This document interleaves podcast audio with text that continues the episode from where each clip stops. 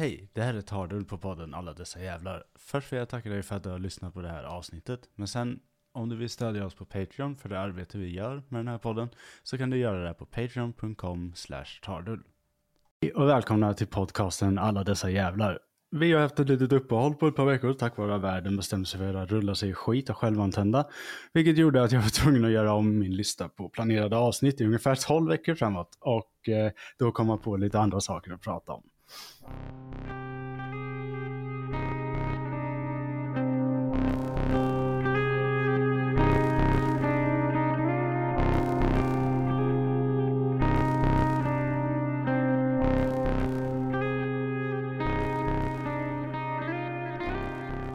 Idag tänkte jag att vi skulle prata lite om en ganska mytologiserad och isolerad bubbla av historia som egentligen är en relativt kort period, men där mycket hände, men framförallt hände på individnivå nivå mer än någonting annat.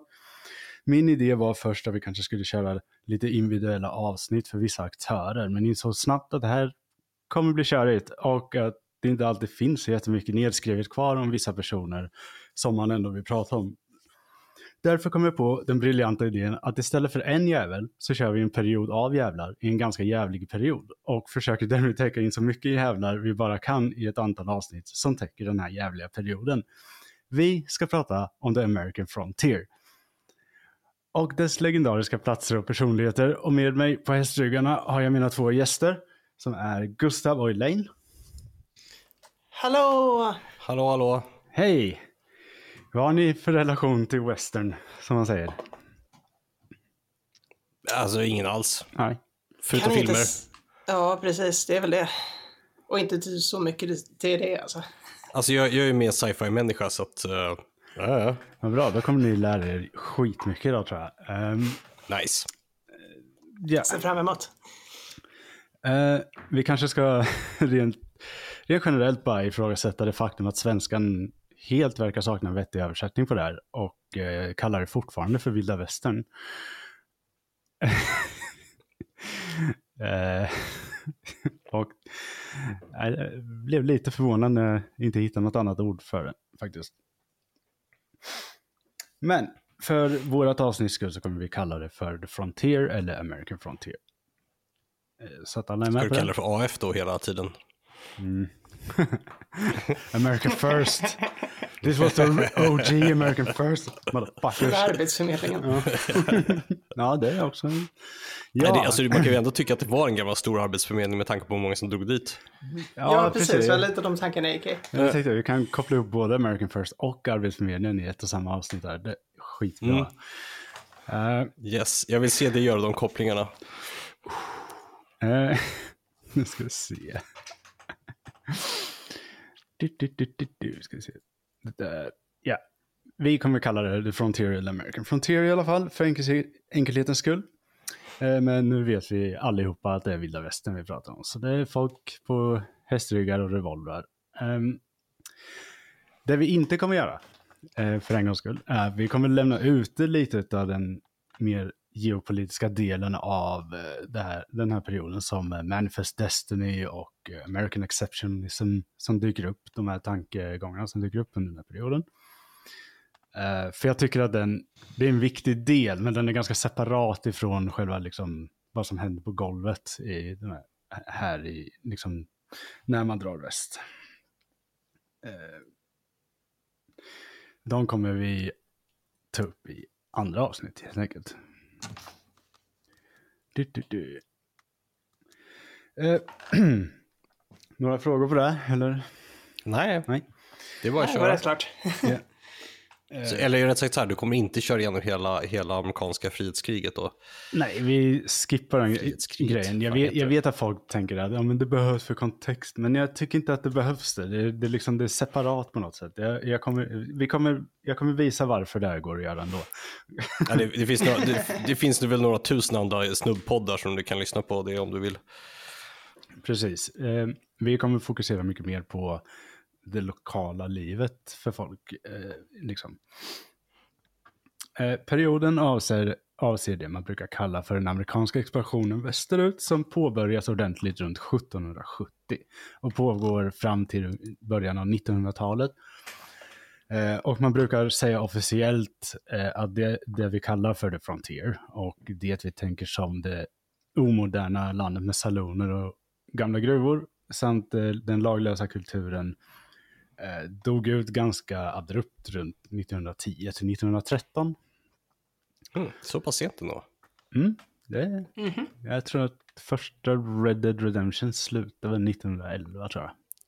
Ah, Red Dead Redemption, den historiska. Mm, men, den är, den är, men den är rätt bra på att visa när, det här spelet är rätt bra eftersom det handlar om när deras, liksom, det här samhället försvinner. Så, Ah, okay, okay. Inte spelat. Nej, men det är en väldigt bra story i alla fall. Och det slutar ju liksom med att man, alltså liksom att eh, de federala eh, heter det, myndigheterna kommer liksom och börjar ställa krav på saker och ting. Vi har standarder bort, borta i öst, gör som oss. eh, ska vi se. Ja, så 1910 till 1930 1913 avslutade sig lagom till att alla dessa busiga boys kunde prepareras och skjutas ihjäl av Maxim Guns i franska och brittiska skyttegravar i första världskriget. Gud vad härligt. Ja, som alla hade väntat på det. Ja, alla Ja. yes! Yes! Precis, fr- fr- från vildmarken in till liksom gyttrig, pöl i Frankrike. Liksom. Ja, perfekt. Du har försökt bruka jorden, den här karga jorden, ett helt liv och sen så plötsligt är du satt i en ja, gyttripölen. Överlever fyra shootouts med sheriffer i eh, liksom din lokala hembygd men dör av spanska sjukan i en jävla skyttegrav. Ja, okej. Precis, med, med två blöta fötter. Ja. Eh, ja. Vad är det då som gör allt det här till en väldigt isolerad del av historien? Som ändå är intressant att ta sig en titt på. Jo, eh, dels anser jag att eh, eftersom The Frontier är en väldigt tung period rent mytologiskt, men ändå på något sätt har hänt, så blir det alltid lite intressant att försöka gräva i liksom vad som är egentligen är sant och vad som är falskt. Det, här är en sån period som verkligen präglas av skitsnack från folk som, eh, även folk som levde då, eh, ska det visa sig. Eh, just den här tiden i den här delen av världen är det extra svår att gräva i eftersom det som sagt finns en helt hysterisk mytbildning men också att det inte dokumenteras så jättenoga där ute. Eh, men också det faktum att till och med liksom tidningar, alltså pressen man hade i de här städerna, de, de bara hittade på saker. De, de bara ljög. Det finns massor stories som är bara lögner. Eh, Finns det, finns det någon anledning till varför folk gjorde så eller bara för att de kände för det? Nej, Det fanns, det fanns inte alltid mycket att skriva om och man behövde sälja tidningar. Tryckpressarna var dyra. Så Konstigt, konstigt att världen inte ser annorlunda ut. Eller vad? Rätt sagt så här. alltså, De var, de, de var lite före sin tid bara. alltså Ja, det är på, sant, det är på, sant. på ett sätt skulle man ju kunna säga att det här är ju en, det, det bästa utfallet av en eh, libertariansk runkfantasi och då är det ändå fruktansvärt alltihop. Eh, Så menar, det, går, det, det går att dra en klar linje mellan det här och Ruby Ridge senare. oh ja, det är Ja. helt övertygad om att det går att göra. Det, det, Det, det, låter, inte, det låter inte ens svårt, men jag vet. Nej, Rubber för- Ridge. Nej, det, det handlar väldigt mycket eh, bara, bara man har stor, båda de här att storyna bredvid varandra så kan man, hmm, ah. Men det är väldigt mycket, det är väldigt mycket den här delen av den amerikanska historien som amerikaner bygger sin nationella identitet på och då kommer de inte ens därifrån. Det är liksom, de har inte ens släkt som var- där. Eller liksom, och ändå är det en så stor del av mångas liksom personlighet och idé om hur USA borde vara. Jag har inte tänkt på det på det sättet, men makes perfect sense på alla sätt faktiskt. Ja. Mhm. Eh, men i alla fall, som vi då kan anta eftersom jag, efter det jag just sa så fanns det inte direkt krav på standarder eh, eller regleringar överhuvudtaget på någonting. Det är inte bara tidningar utan det gäller allt från medicin till vapen till kvalitet på sprängmedel. Eh, eller hur mycket sprängmedel du får ha och sådär. Eh, om man ska tro tidningarna, jag har läst lite av de här tidningarna, jag ska se om jag kan få några bra digital prints på dem och lägga upp eh, i beskrivningen till avsnittet sen. För de är intressanta. Um, vad man ska tro på tidningen i alla fall så rymde det bland annat en hel del vilda djur från olika resande zon. Uh, typ lejon och allt möjligt skit sprang runt på, uh, på, på grässtäpperna. Uh, Ursäkta? Va? Det, ursäkta, det var ganska okej. Okay. Ja, ja, ja, nej, men det fanns så här. Det fanns ju resande zon, det gjorde det. Jo, jo. Men det är liksom mängden som de här tidningarna ibland pratar om. Det, det är liksom så här, idag har vi en dålig dag, kan vi göra en story om ett zoo som har krockat alla djur sprang iväg. Eh, ja. Men vad praktiskt det där, för om någon springer ut och börjar leta efter lejon och inte hittar några, då kommer man bara fråga, vad fan drar du ut och letar efter lejonen för? Håll undan, var, var lite vettig och håll undan. Det finns en notering, jag ska se om jag kan hitta den igen. Det finns en notering där, jag, där någon gick så långt med ett sånt prank i alla fall, att de liksom hade målat en häst till en zebra och sådana grejer. Det, de gör ett skämt på det där i Red Dead 2 vet jag.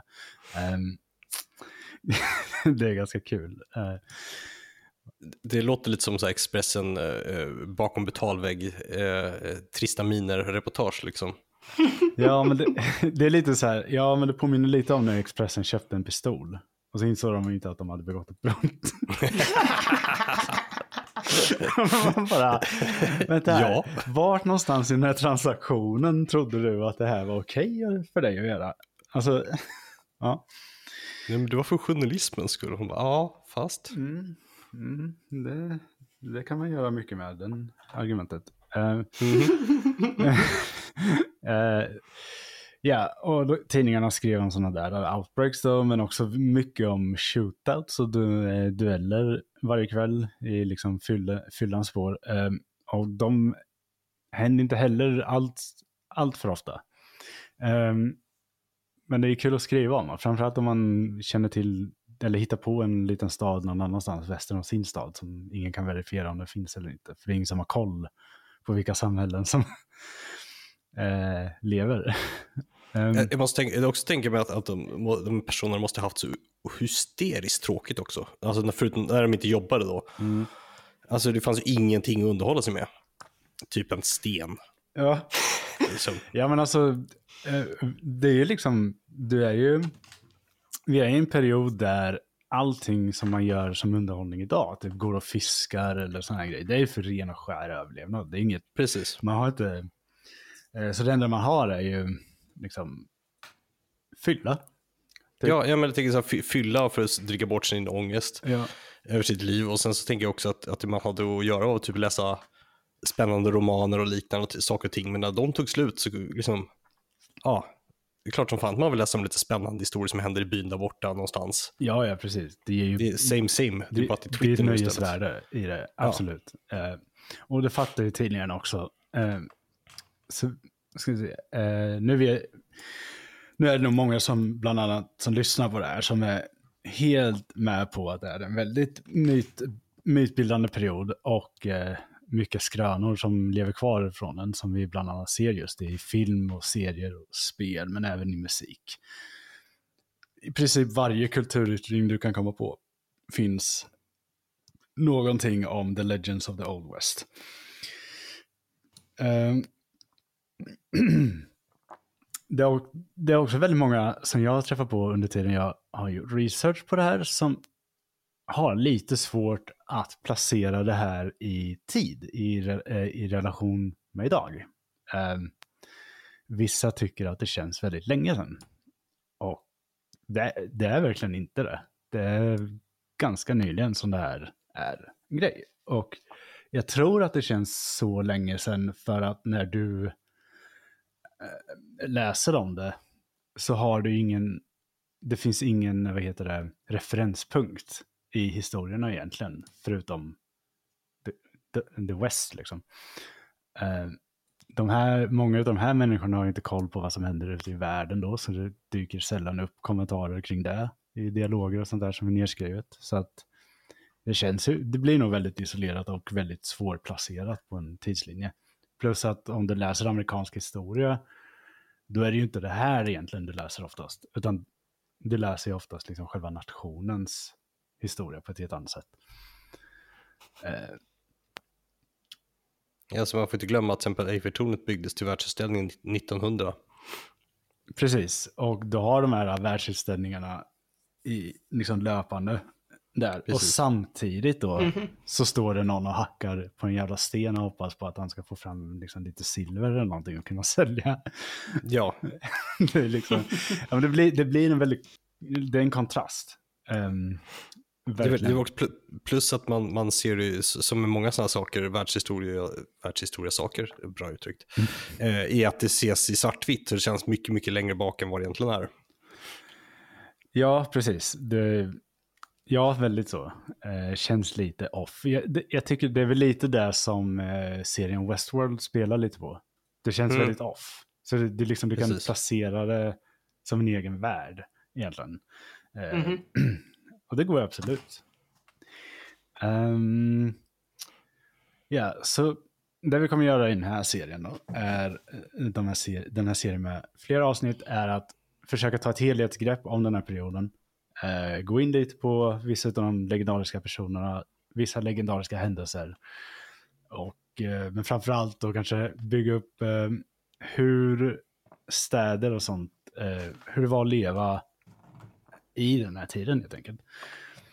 Eh, eller på den här platsen. För vi ska komma ihåg att många som kommer hit till de här städerna och platserna, de kommer ifrån östra USA, så till New York. De är vana vid, man har elektricitet, man har liksom vatten på något sätt, du har avlopp, eh, du går och handlar din mat, det, liksom sånt.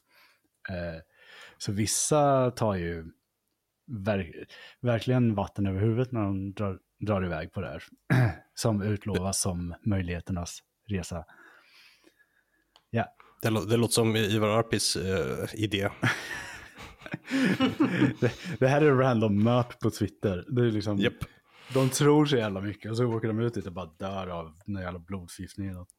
I, de, de, får, de får en sticka dag tre och bara lägger sig ner och dör. Eh, men det väldigt, väldigt många sådana öden finns det. Ehm, vi kommer Gud, säkert det där nudda låter som jag. Svärdött. Alltså, när man pratar med människor, man märker snabbt när folk är ärliga med Eh, sina egna förmågor och vad de är kunniga i. Eh, så här, alla som sitter och lyssnar på det här som är prepper, som möpare, jag kan säga så här, hur mycket du än förbereder på det där, på en sån här situation, så finns det tre miljoner andra sätt att dö på som du inte kan preppa för. Det finns ingen garanti för att du är en Rambo när, väl händer, när någonting väldigt, väl händer. Och vi kommer, vi kommer stöta på det här också. Folk som är literally liksom legender som dör på det mest patetiska sätt som finns. typ ramlar av en stol och bryter nacken och grejer. Det, är alltså, det, Det är Det fantastiskt. brukar väl vara så man blir en legend genom att någon, någon hade något jävligt pinsamt att täcka. Ja. ja, Sant. dels det, men så, Det var lite roligare att komma ihåg dem på det här sättet. dels det, men så kanske man redan var en legend under samtidigt. Vi ska ta det också, Ja, för det det är också. också en intressant aspekt i, i det här.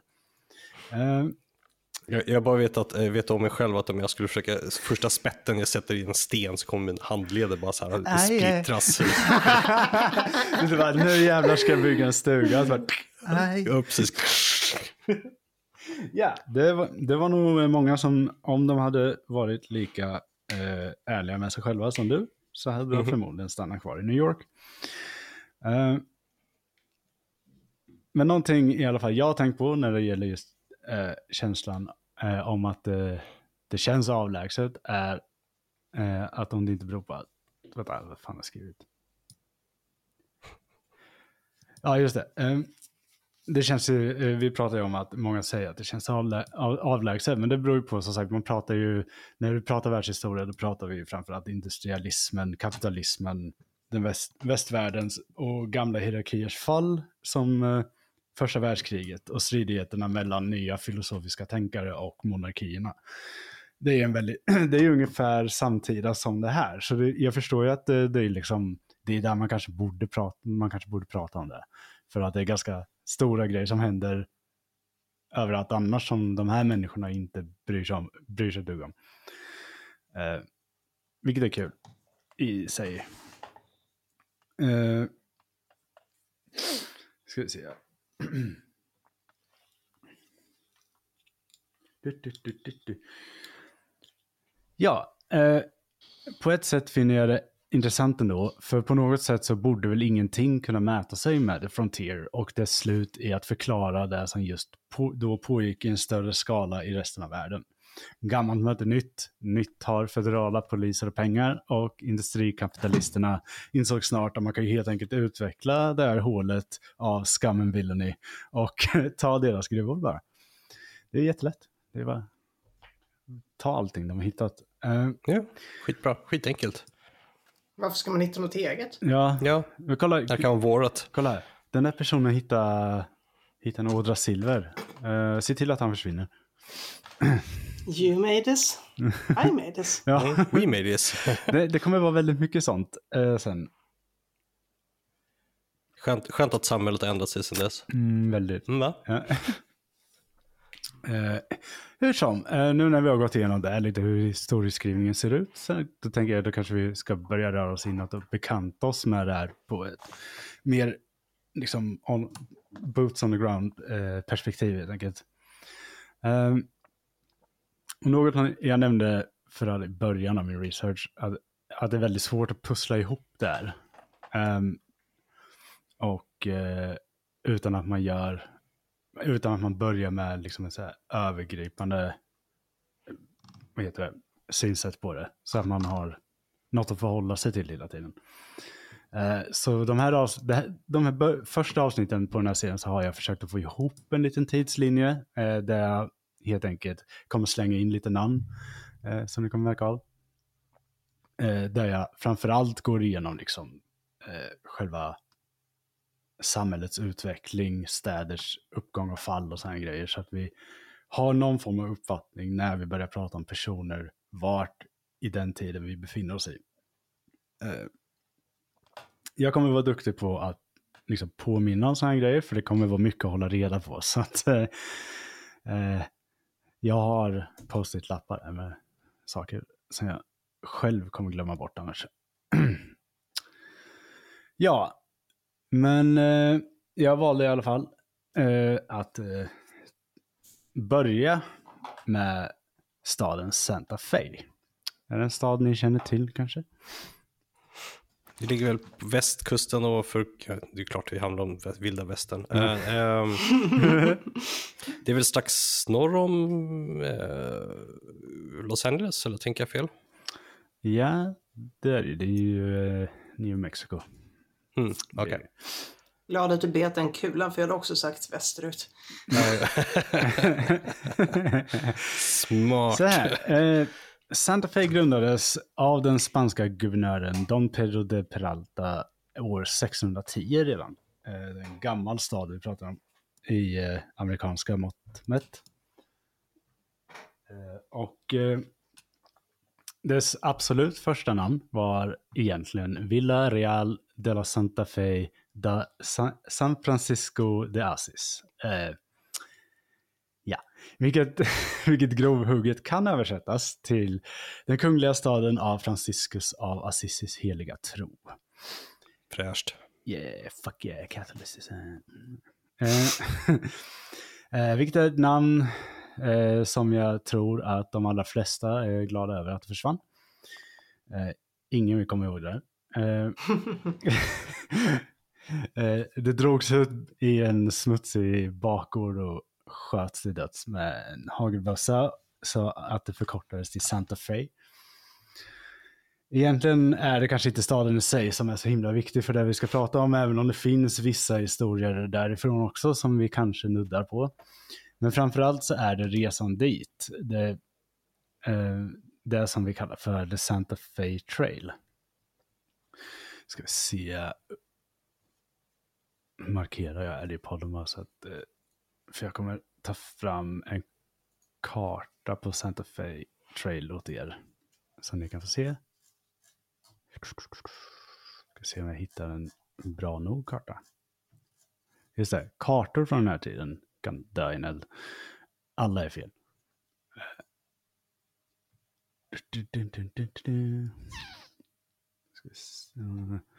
Jag får nog söka upp den helt enkelt. Map. Ja, här har vi en. Den får duga. Jag hoppas allt det här kommer med i podden.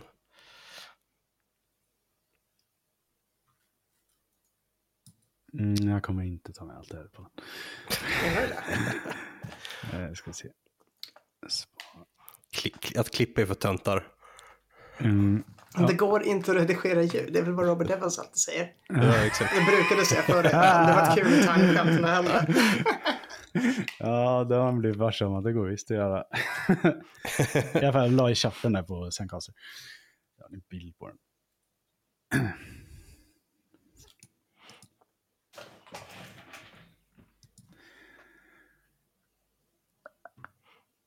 Ja, Fort Leavenworth. Det finns jättemycket roliga städer där. Jag gillade ordet. Bens Feet. Jag antar att det står för något annat FT här, eller? Fortress kanske? Fortress, ja.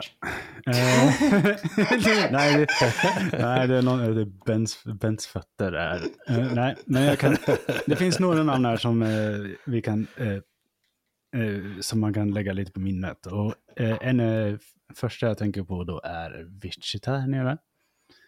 Det är en stad som kommer dyka upp.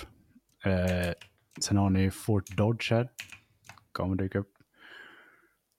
Eh, av någon anledning har de en stad som heter Trinidad. Eh. Men varför, varför heter det Fort Dodge men det heter inte Benz Fort? Utskrivet, Ja. då menar jag. Vad var det jag sa om standarder? Yeah. Precis, någon, heter- någon kom hit till Fort Dodge och sa det här är Fort Dodge. Nu är det så här. Så, så det är Benz, Benz Feats, men Feats John här. Ja, men då har det också en annan viktig del att ta, eh, komma ihåg här är det som heter Cimarron Crossing, ser ni här, ovanför Fort Dodge. Yes. är, intressant, är viktig också för den en liten del. Och den, allt det här leder ju nog ner till Santa Fe, egentligen. Eh, går precis ovanför gränsen till Texas här, för man vill inte in där då, för det är inte amerikanskt område. Eller USA äger inte det här då. Än. Eh, ja. Jag älskar dock gränsdragningarna.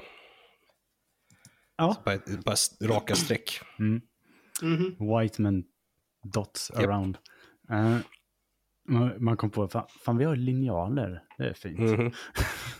Eh, Nej, men den här vägen, The Santa Fe Trail, är i alla fall en väldigt viktig handelsväg. Eh, den börjar egentligen eh, då i Independence, Missouri. Det finns lite olika varianter på den här kartan med olika startdelar. Men jag valde den här för det är den som är, om man säger officiellt i alla fall nämnd i alla eh, berättelser.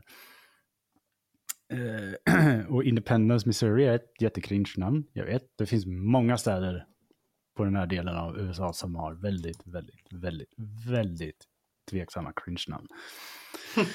Eh, vi kommer säkert stöta på några av dem. Eh, det gäller också personer som blir döpta till väldigt konstiga grejer. Eh, handelsrutten var använd dels av då människor med varor men också av bisonhordar. Men dessa fick ofta maka på sig och i slutändan och i kombination med överjakt så försvann bisonhordarna helt från området. Ehm, Vad skönt att man lärde sig det här och aldrig gjorde om det misstaget igen. ja, Ja, absolut. gud, ja. Ehm, älskar alla djur och naturen. Eh, och då försvann, det, eh, fler än bara bisondjuren försvann då från den här sträckan på grund av att det fanns inga bison att äta så då stack allt annat också. Oh no, the consequences. Ja.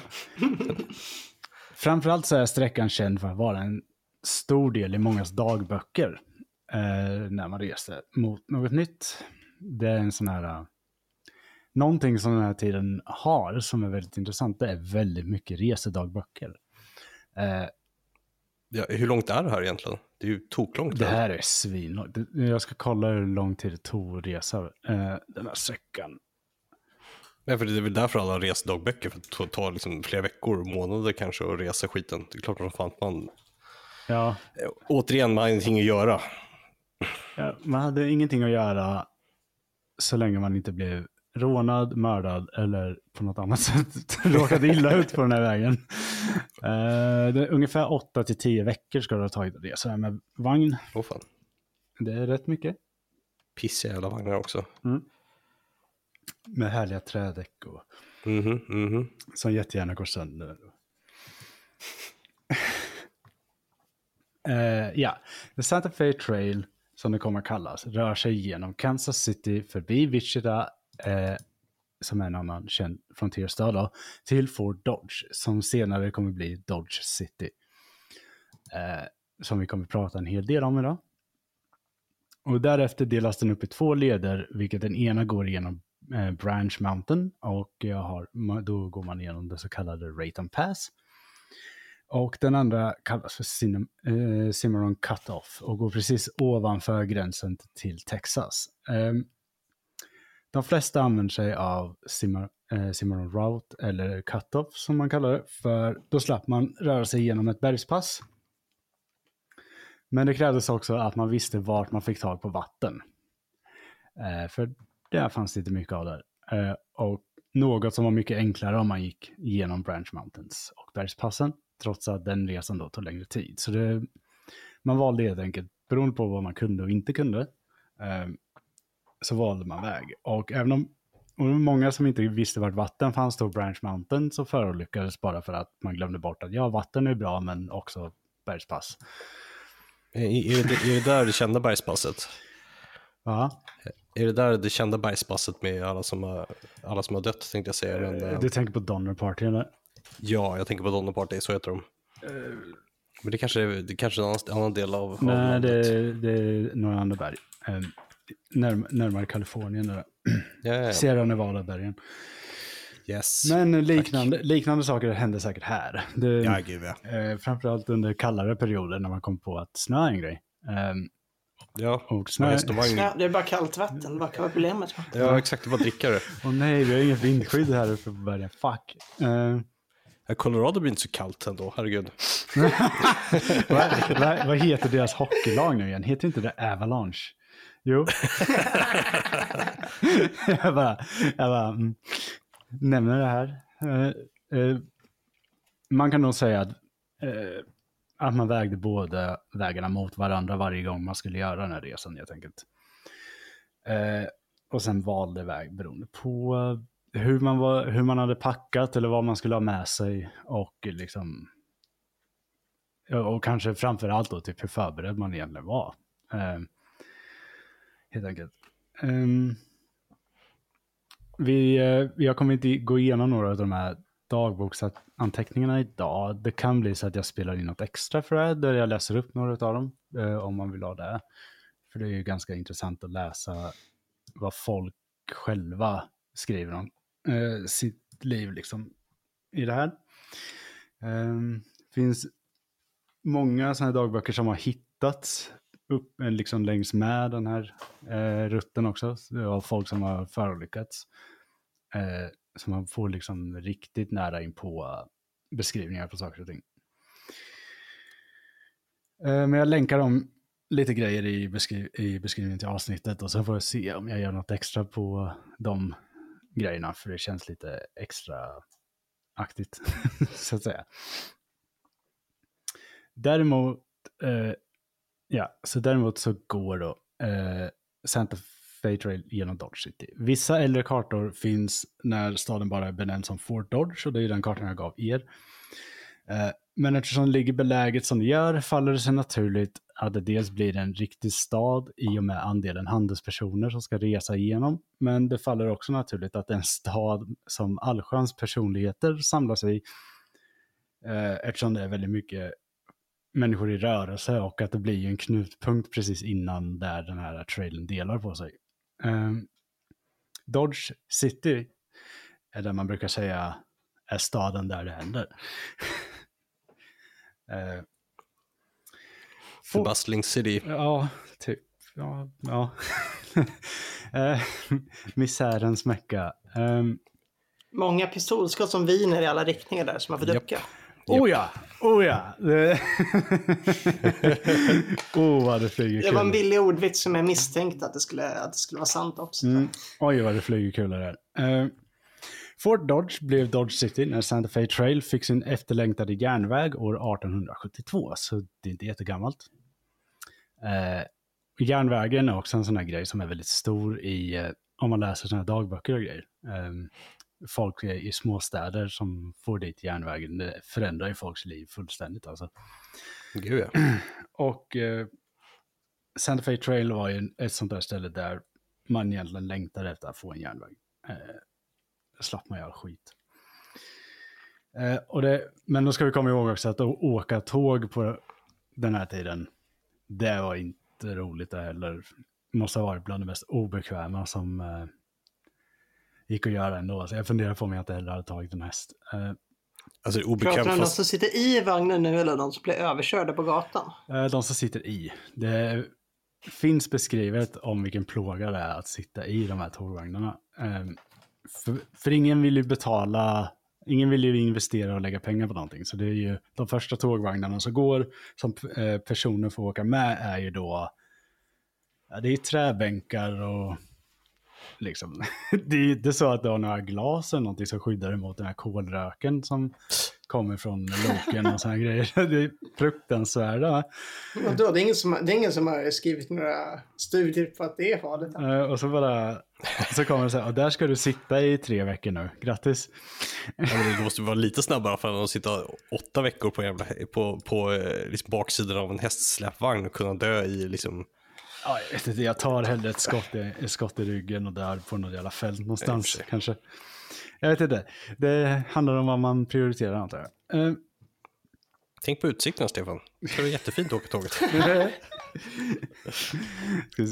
Eh, Fort Dodge blev eh, i alla fall stad, eller alltså ett riktigt samhällsbygge år 1872 när järnvägen kom dit. Och innan dess hade det mest varit en utpost för armén, vilket är väldigt vanligt att städer byggs runt. Ehm,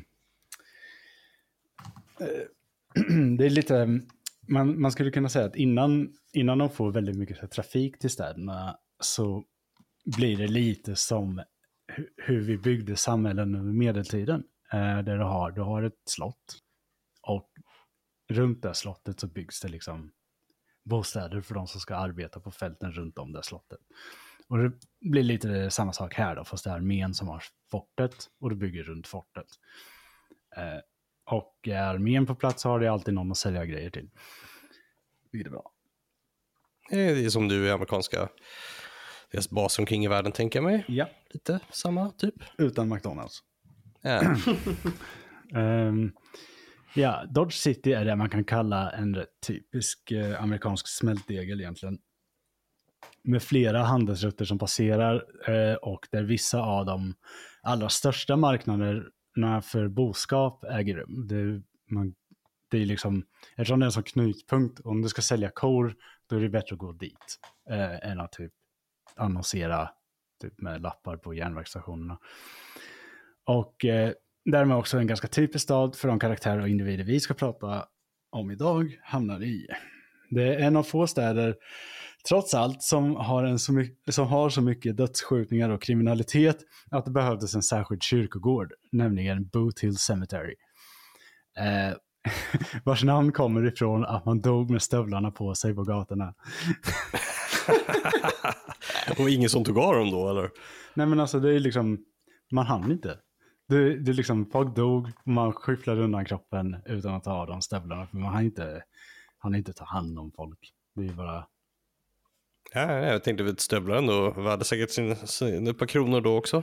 ja ja, de tog sig säkert av innan de kastades i liksom hålet. Men eh, Men jag, jag, fatt, jag, fattar, jag fattar. Det bara känns så här, man, bara, man slängde mig i bara, med, med allting på. Man ska, vi- ska vi inte någon som, ja, någon som snor någonting? ja, ja, men alltså dödgrävarna snor ju garanterat allt det där. Men det Ja, sades gud, i ja. alla fall att man slängdes liksom fullt påklädd ner i hålen. Eh, så därför döptes det till Boot Hill Cemetery. Eh, Soulsborne City som jag kallade det när jag var rolig, när jag skriver, hade, hade stora problem.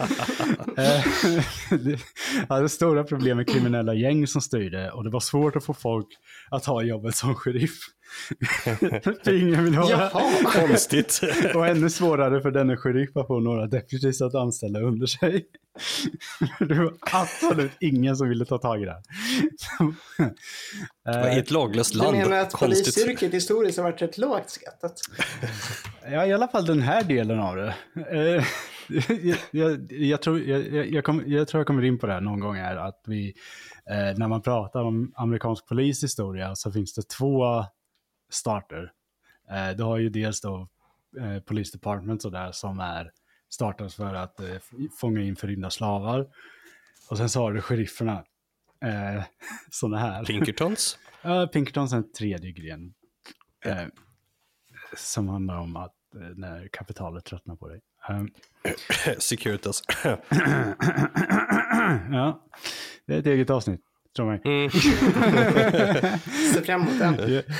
Eh, risken var, alltså risken att dö var helt enkelt för stor för att någon skulle ta det här jobbet. Eh, vilket om inte annat eh, sheriffen Larry Deeger fick erfara som var en av många sheriffer som förlorat kontrollen helt över läget. Eh, han blev skjuten i ryggen och slutade som sheriff.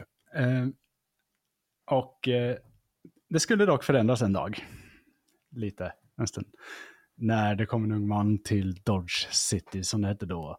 Och vi kan presentera vår allra första legend som förmodligen väldigt många vi har hört i alla fall namnet på. Eh, Låt mig presentera Wyatt Earp. Doc, John, I'd like you to meet a friend of mine, Wyatt Earp. wide up. I've heard that name somewhere. Don't know where, but it wasn't good. Nice.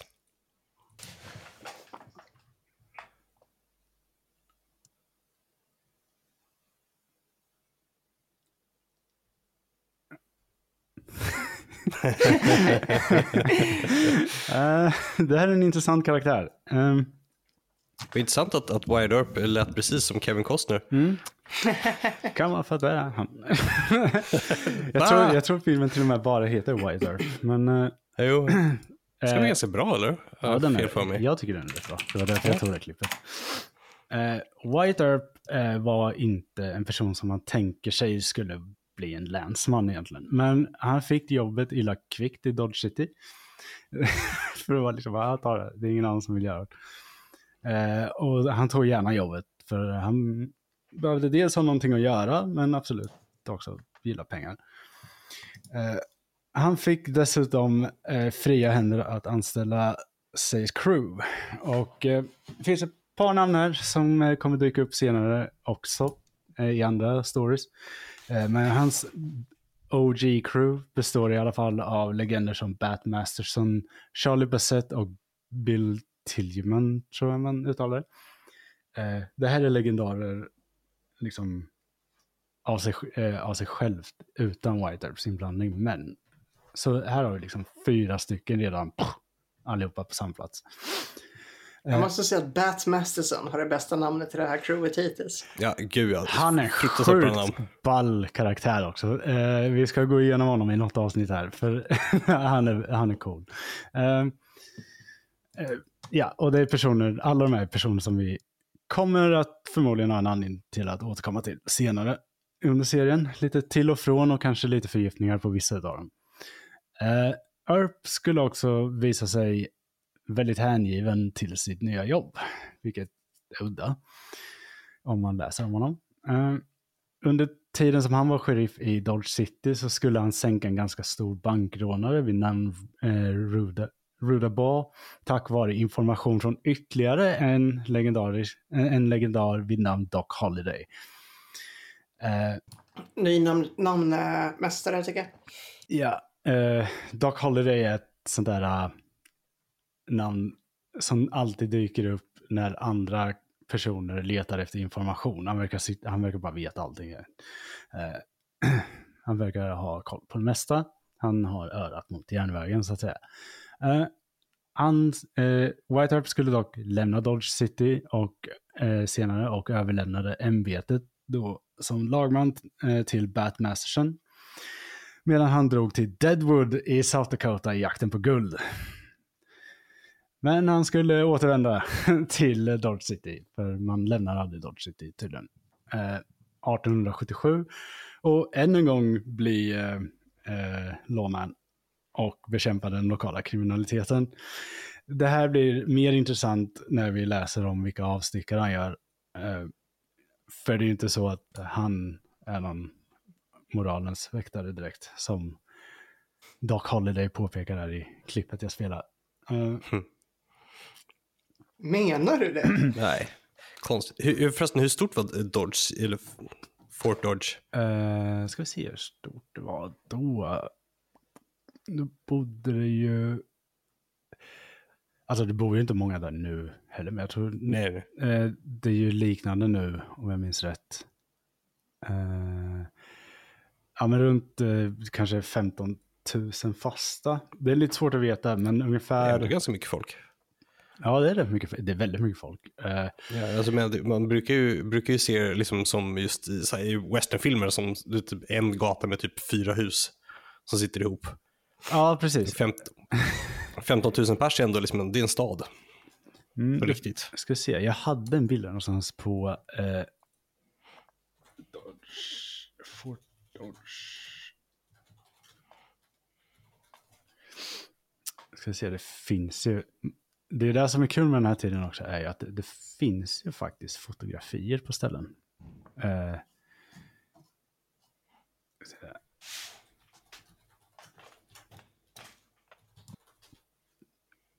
ja, här har jag ett. Jag kan visa den. Det är ingen högupplöst bild tyvärr, men kopiera där. Jag lägger den i chatten till er. Det är väldigt eh, western. du har de här typiska panelhusen eh, där man har lagt jag, allting på. Förlåt, jag får ingen, uh, ingen länk. Det, eller jag får en länk, men den är inte giltig. Det här var lustigt. Uh, eh, ska vi se. se om jag kan få upp en an... Jag har... Du, du, du, du. Vart har jag den länken? Där. Här har jag Undrar om det inte finns en bild här. Jo, här. Finns det, jag ger den här länken istället. Ni får den här artikeln av mig. Eh, de ställena jag har varit och grävt i. Men högst upp på den artikeln i alla fall så finns det en bild. Den är lite, det är som sagt lågupplöst, men finns en bild lite längre ner också. De är från... Charmigt i sin lågupplösta glans. Ja. Ser, ja, ganska, men det var... ser typiskt västern ut. Ja, precis. Men 15 000 pers ändå, det, ja, det blir mycket folk liksom. Ja, mm -hmm. och det är väldigt mycket ännu mer genomresande som sagt, som bor temporärt på ställen. Så väldigt mycket eh, salonverksamhet har de ju, givetvis. Eh, men då har de typiska eh, panelhusen som har väldigt mycket arbete gjort på sig utåt mot gatan. Och sen egentligen bara typ en skollåda bakom den här eh, fasaden. Liksom. Eh, yep. Lätt att bygga upp, lätt att överge. Uh, ska vi se. Ja. Det var ganska fina bilder på hur det såg ut. Senare bilder. Ja. Hur man ser allting i färg. Ja. Det var ganska intressant, för det brukar inte man se.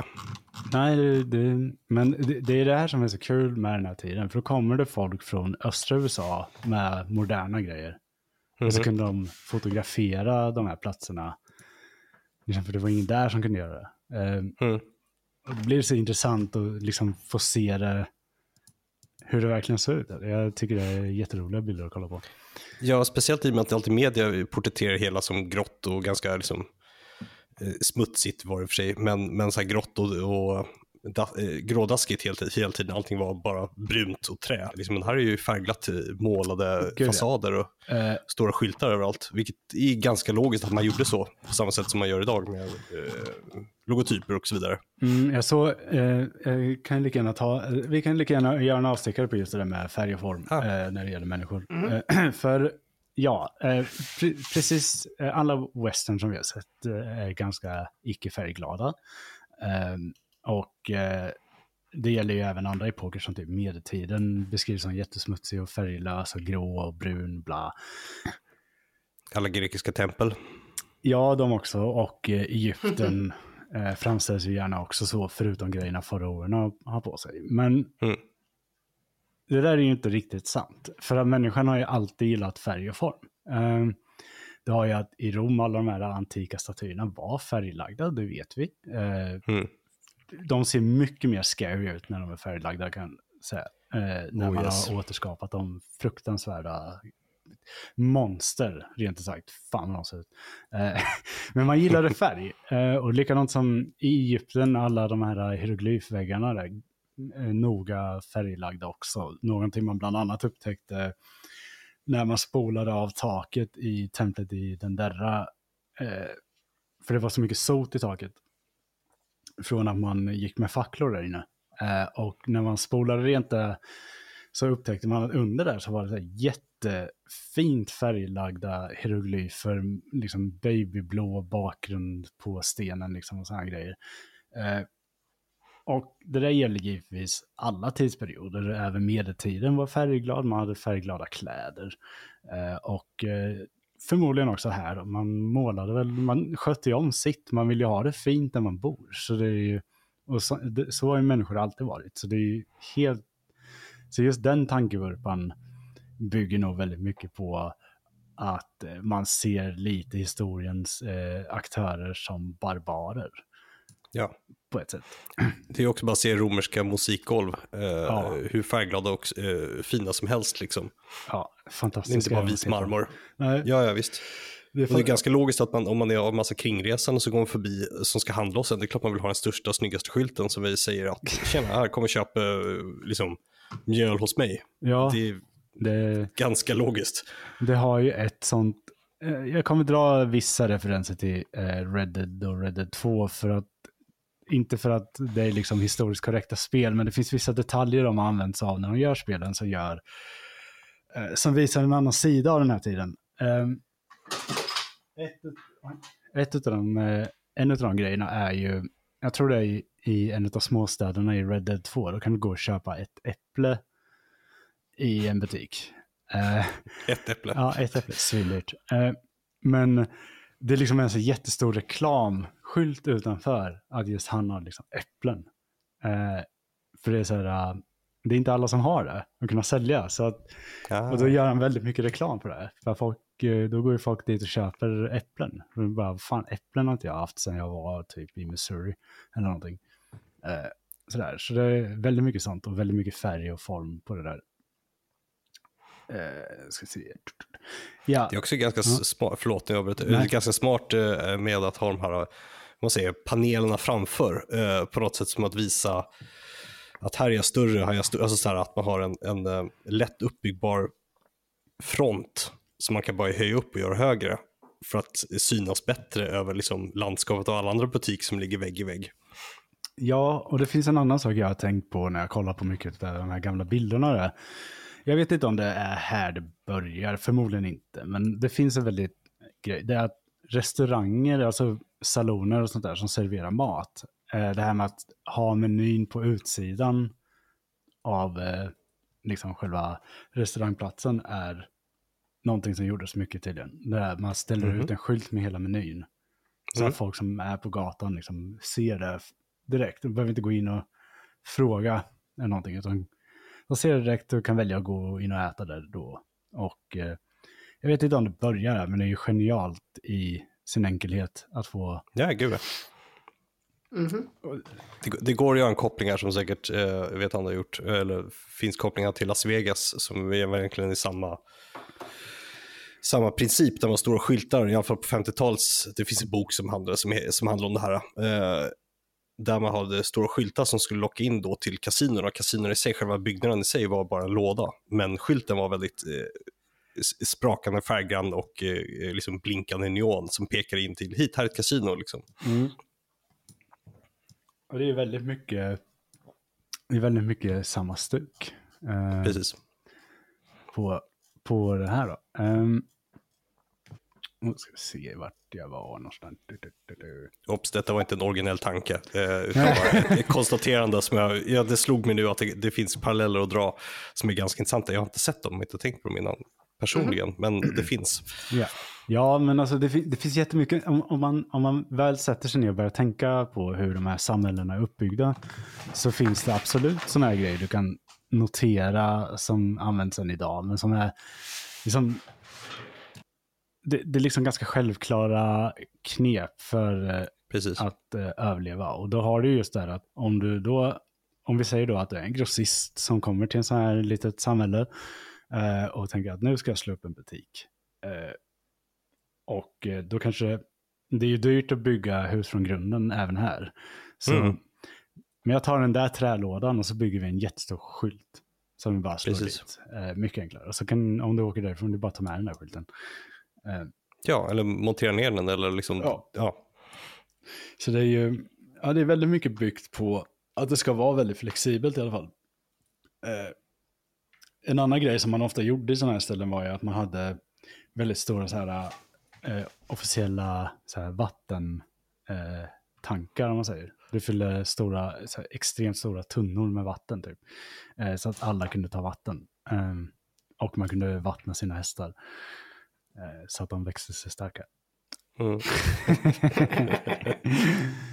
Ja, Men White Earp återvänder igen då 1877 till Dodge City och den här gången har det fullständigt skitit sig.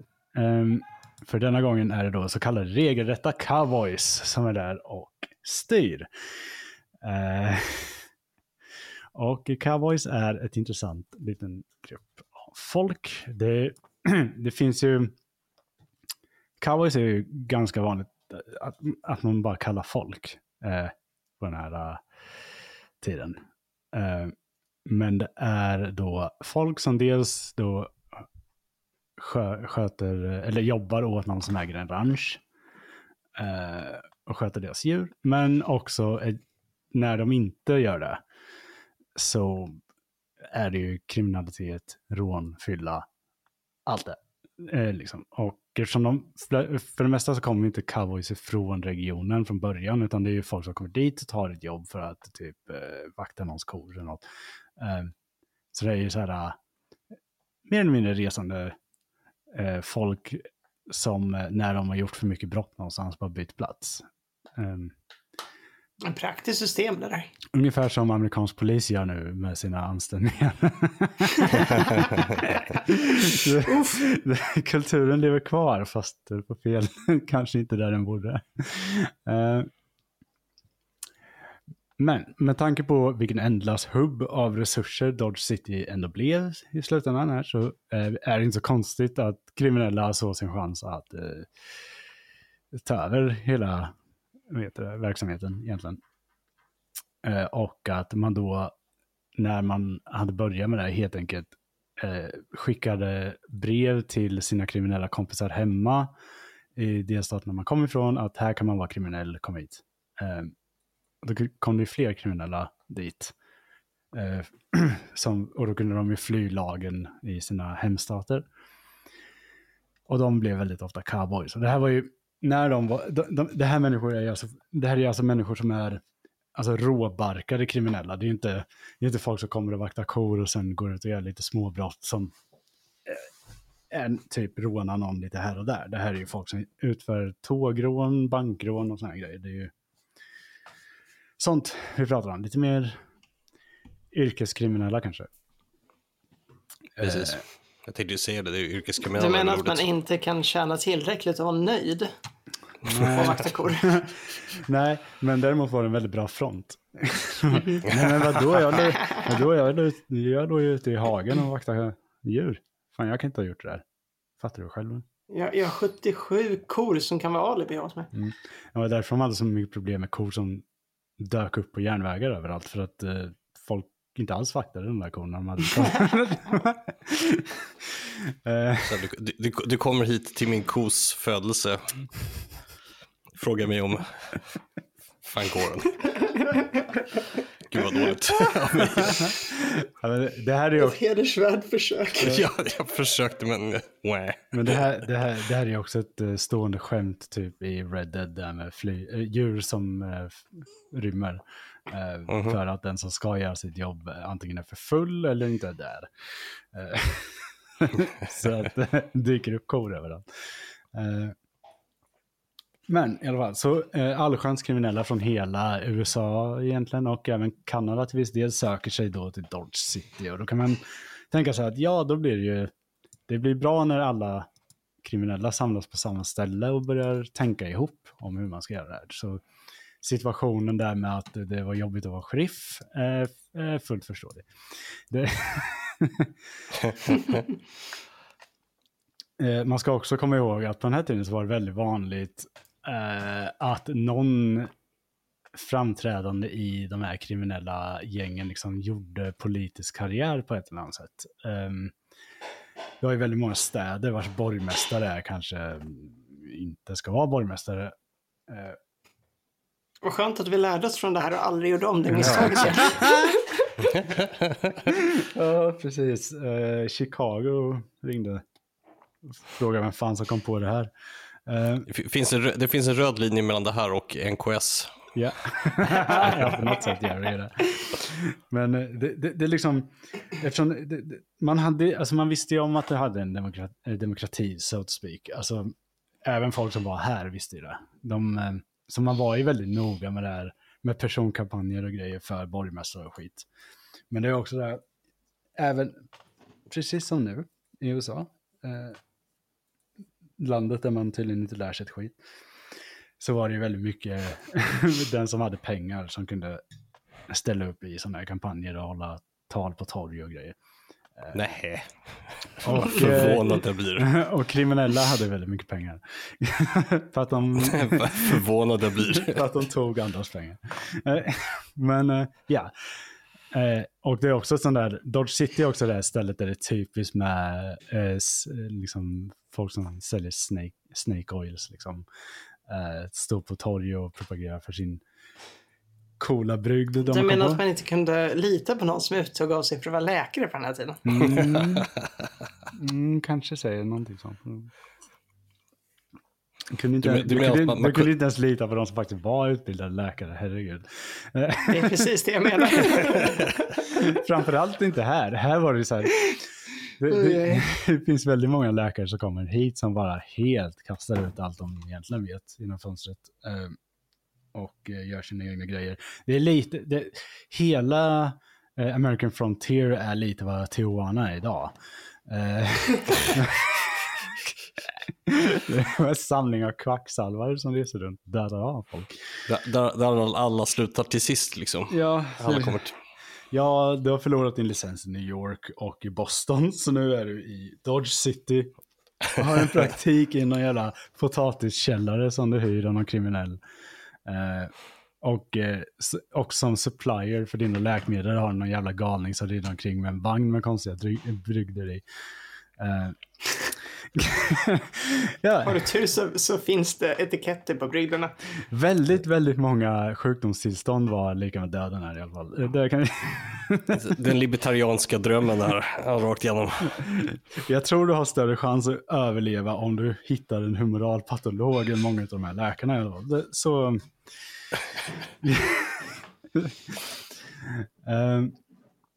ja, Eh, men Dodge City med sin stora handel som inte skulle ge upp på grund av kriminalitet eh, blev ju mer eller mindre bara en omättlig inkomst för de kriminella. Eh, det var ju bara att ta saker. Ehm, och eh, det man inte kunde ta eller smita ifrån, det mutade man sig bort från. Ehm, och eh, lagens då väldigt korta arm var inte heller så svår att muta. Eh, det var rätt lätt. Om du inte tar de här 50 dollarna så skjuter jag dig i ansiktet. Okej. Eh, okay. Men White Earp eh, kommer tillbaka och är på, nu på, si, eh, på runda två av sin Good Guy Arc. Eh, och han jobbade stenhårt på att sätta dit så många som möjligt, vilket också är konstigt, för det borde vara väldigt många av de här som är hans gamla kontakter. Ehm, och försökte få domstolarna runt omkring att faktiskt orka bry sig och döma ut ordentliga straff för de här olika brotten som skedde gick sådär. Eh, man började också, eh, vet det, jobba lite mer proaktivt. Jag hade sett det här som eh, oerhört provocerande och eh, eskalerande, men man började liksom försöka samla ihop grupper med watchdogs som kunde gå på gator och torg på nätterna. Det här är typ som den värsta varianten av föräldrar på stan. Eh, det här är föräldrar på stan om man ger dem varsin sexskjutare, en flaska vodka och lite för mycket testosteron, liksom för mycket testosteron som blir lite så här våldskåta. Uh, och massa whisky. Ja, det löste ingenting i alla fall. Det blev bara mer skjutningar. Så man bestämde sig att man kanske borde instifta fler sheriffer. Uh, och uh, då blev bland annat Bat Mastersons bror Ed sheriff, men han blev ihjälskjuten samma år. Um, vilket då gav upphov, upphov till att den tredje Masterson gav sig in i det här och blev en del av den nystartade poliskåren i Dodge City. Eh, man insåg någonstans att det inte längre räckte med sheriffer. Eh, snabb grej, eller fråga, men, men eh, i och med att det var, gjorde de det här, fick de bra betalt de här snubbarna eller var det bara för att de hade någon slags, kan man säga, ville stå upp för samhället-grej? Ja, alltså Masterson, Batmasterson verkar ju ha haft någon form av liksom, moralisk eh, ådra. Till mhm. skillnad från typ White Earp. Eh, som liksom, ja, han, var, han ville väl ha ett fungerande samhälle liksom. Ett, ett tryggt samhälle och han var väl... Vi kommer gå... Kom... Skönt om man har en i polisstationen som vill det i alla fall. ja, eh, dessutom Batmasterson kommer vi komma in på av anledningen att eh, han är legendarisk eh, prickskytt med revolver. Så att eh, han var ju också ett väldigt bra namn att ha på plats. Eh, för det, det var ju, hans namn i sig var ju bara att dyker han upp så brukar folk dra. Eh, mm, för annars mm. blir det shootout mm. så är man körd. Eh, typ. Eh, det blir en sån legend av honom. Så han, han, jag, tror, jag tror att han kände att han gjorde gott av vad jag får, får fram av hans eh, egna liksom, memoarer och sådana grejer. Um, han hjälpte människor uh, att leva så drägligt som möjligt i den misär som de befann sig i. Uh, typ. Och right. uh, det verkar som att det var någonting som smittade av sig på hans bröder, helt enkelt. De såg väl upp till honom, antar jag. Så. Finns inte jättemycket skrivet om de två, men de nämns ju i alla fall då och då. Skönt att ha positiva förebilder. Från den här tiden och platsen i synnerhet. Det finns en bra person i Dodge City. Det är vår bror. uh, I alla fall. Wyatt och hans bror uh, gav ännu en gång upp uh, polisyrket. Uh, och lämnade Dodge City igen. Och påbörjade en helt ny character arc. när det slog silver i den nyanlagda staden Tombstone. Som också var ett spår som tidigare nämnda Doc Holiday också följde upp eh, tillsammans med sin dåvarande flickvän Big Nose Kate. Vad i helvete? Doc Holiday och Big Nose Kate i Tombstone. Ja, Big Nose Kate. Vi kommer prata mer om Big Nose Kate. Nice. Hon är en ganska intressant karaktär faktiskt. Um, det finns ett par sådana där i eh, ett par sådana kvinnor som eh, ramlar förbi i historierna ibland som är bara underbara människor. Vi har ju också Cala eh, Calamity Jane, heter hon va? Ska. Ja, Calamity Jane, ja. ja. Hon är ju också en jävla legend alltså. Eh, men hon är i Deadwood tror jag. Eh, eh, har, men, ja. Och som vi märker idag då, så det har varit väldigt många legendariska namn som har tagits upp utan någon egentligen bakgrund till några av de här. Eh, vilket jag förstår att många som lyssnar nu kan tycka är lite frustrerande. Eh, och eh, jag kan bara säga så här, ja det är lika frustrerande att gräva i det, för man vill väldigt gärna sticka iväg på alla sidospår som man får, men då blir man aldrig heller klar. Eh, eh och vi kommer göra, så sagt, jag kommer arbeta fram lite biografiska porträtt på de här karaktärerna.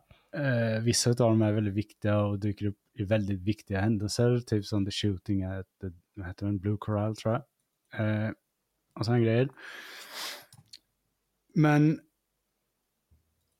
det som är viktigt här då, eller som jag vill försöka få fram här, är ju att eh, berätta lite vad det här är för typ av samhälle och miljö som vi faktiskt befinner oss i och varför då den här typen av karaktärer fostras i i den. Alltså hur, den, hur en sån liten tidsperiod kan skapa så mycket svin på en och samma plats egentligen. För det är, det är väldigt mycket. Eh, och eh, då när, när vi nu har lite koll på hur de här städerna och sånt är uppbyggda så behöver inte vissa val vissa pers personer gör framstå som lika märkliga. Ehm, um, White Earp, likt många andra, hade en väldigt lång och varierande karriär på många sätt. Och dyker därför upp väldigt ofta när man läser biografier om andra, typ som alla andra. Uh, han är också en av få som levde för att bli intervjuad inför en biografi skriven om honom på början av 1900-talet. Jag tror han är skriven, han är skriven 1926 eller någonting. Han lever väldigt länge. Eh, också kända namn, eh, kända folk med namnet Dalton lever länge in på 1900-talet. Eh, Det är ganska sjukt, ja, när du säger det. 1926 sa du. Ja. Det, är, det är ganska sjukt. ja, han blir gammal. Eh, Ja, men inte bara det, men att det är så, så pass nära ändå. Ja det, ja, det slog mig också när jag läste. Ni, har de skrivit fel? Nej. Nej, men... eh, och den här biografin, den ska vi definitivt peta lite i eftersom eh, den är till synes helt full av lögner. Som Wyatt. som Wyatt i sin obildade naivitet trodde att eh, ingen egentligen kunde kolla upp. Eftersom det var så livet funkade där ute i the Old West. Ah, Rimlig gissning ändå. Han kunde inte riktigt ha förutsatts. Nej, men det var inga problem att bara byta helt identitet. Det kommer vi in på när det gäller Big Nose Kate också, för det är inte så att det är hennes enda namn. Sm- Small Nose Kate då. eh, vänta, jag ska kolla. Hon har ett par. Vänta. Jag har skrivit ner dem här på en lapp bara för att det, det, ibland så här, när man, anledningen till att jag skriver ner hennes namn ibland är för att det kommer fram ett namn i någon berättelse, så kollar man upp den personen, så är det bara hon igen. Eh, så man bara, jaha, okej. Eh, det är bara det att den som skrev ner det då inte visste att det var samma person. Eh, ska vi se, vad hette hon egentligen? Eh, hon är credited ofta som Doc Holidays on and off girlfriend and sidekick. Uh, ska vi se. Hon är egentligen hon född Mary Catherine Haroni och är från Ungern. Vilket i sig är intressant.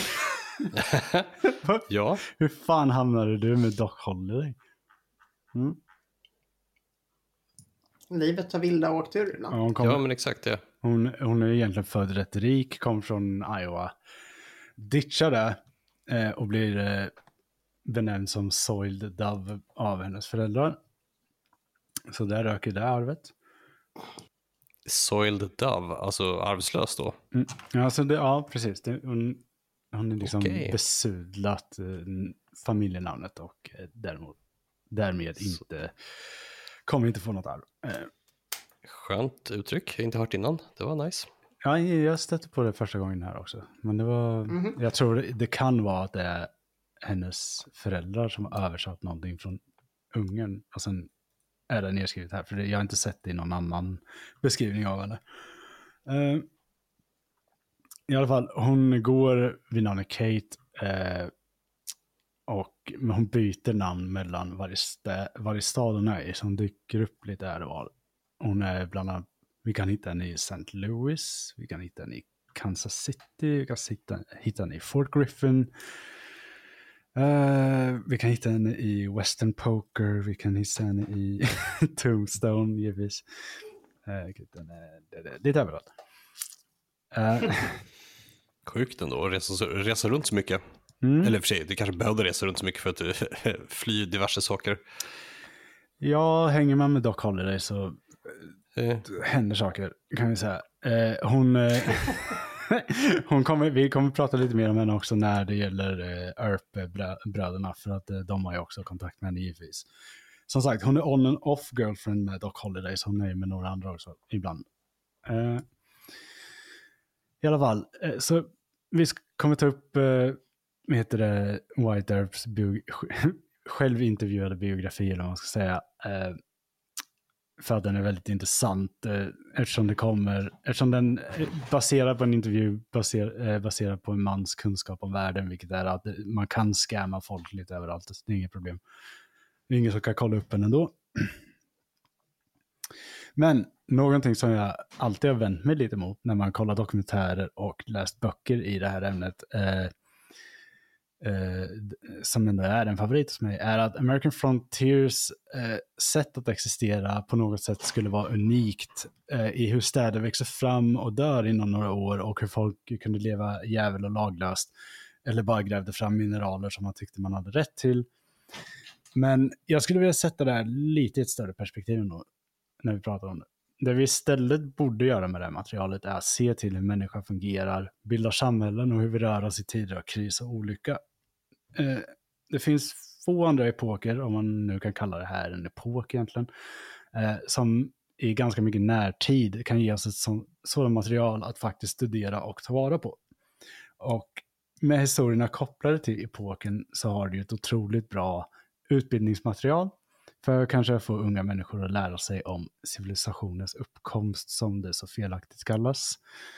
Eh, under de korta år som det här handlar om så finns det redan där legender om övergivna spökstäder, var kyrkogårdar plågades av olyckliga andar, eller att dessa städers befolkning begav sig upp i bergen och började kannibalisera på resande människor som kom längs vägen. Legenderna fanns redan i den samtid man levde. Mm -hmm. Vilket är extremt intressant egentligen.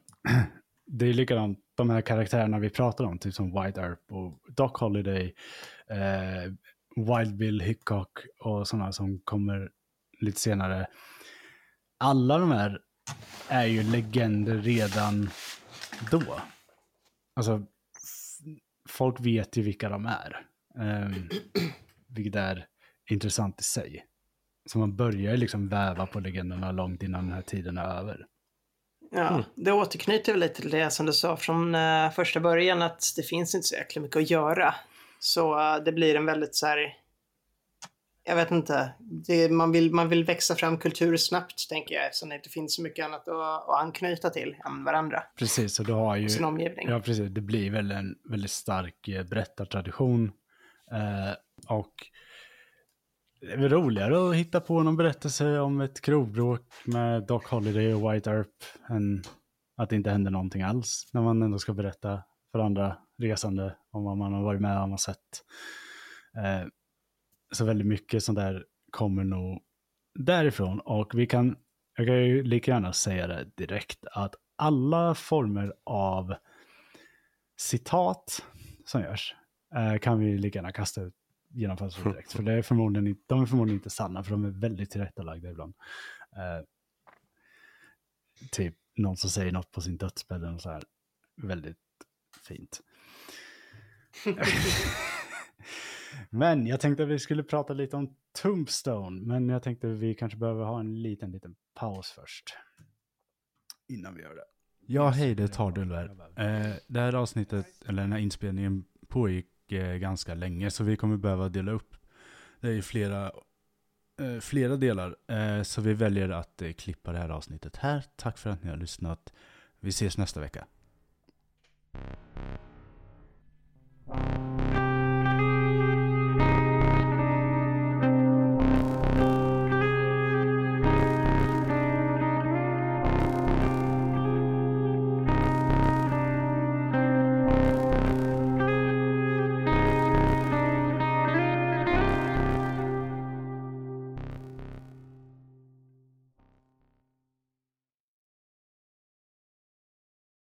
Hej, det här är Tardull på podden Alla dessa jävlar. Först vill jag tacka dig för att du har lyssnat på det här avsnittet. Men sen, om du vill stödja oss på Patreon för det arbete vi gör med den här podden, så kan du göra det på patreon.com tardull.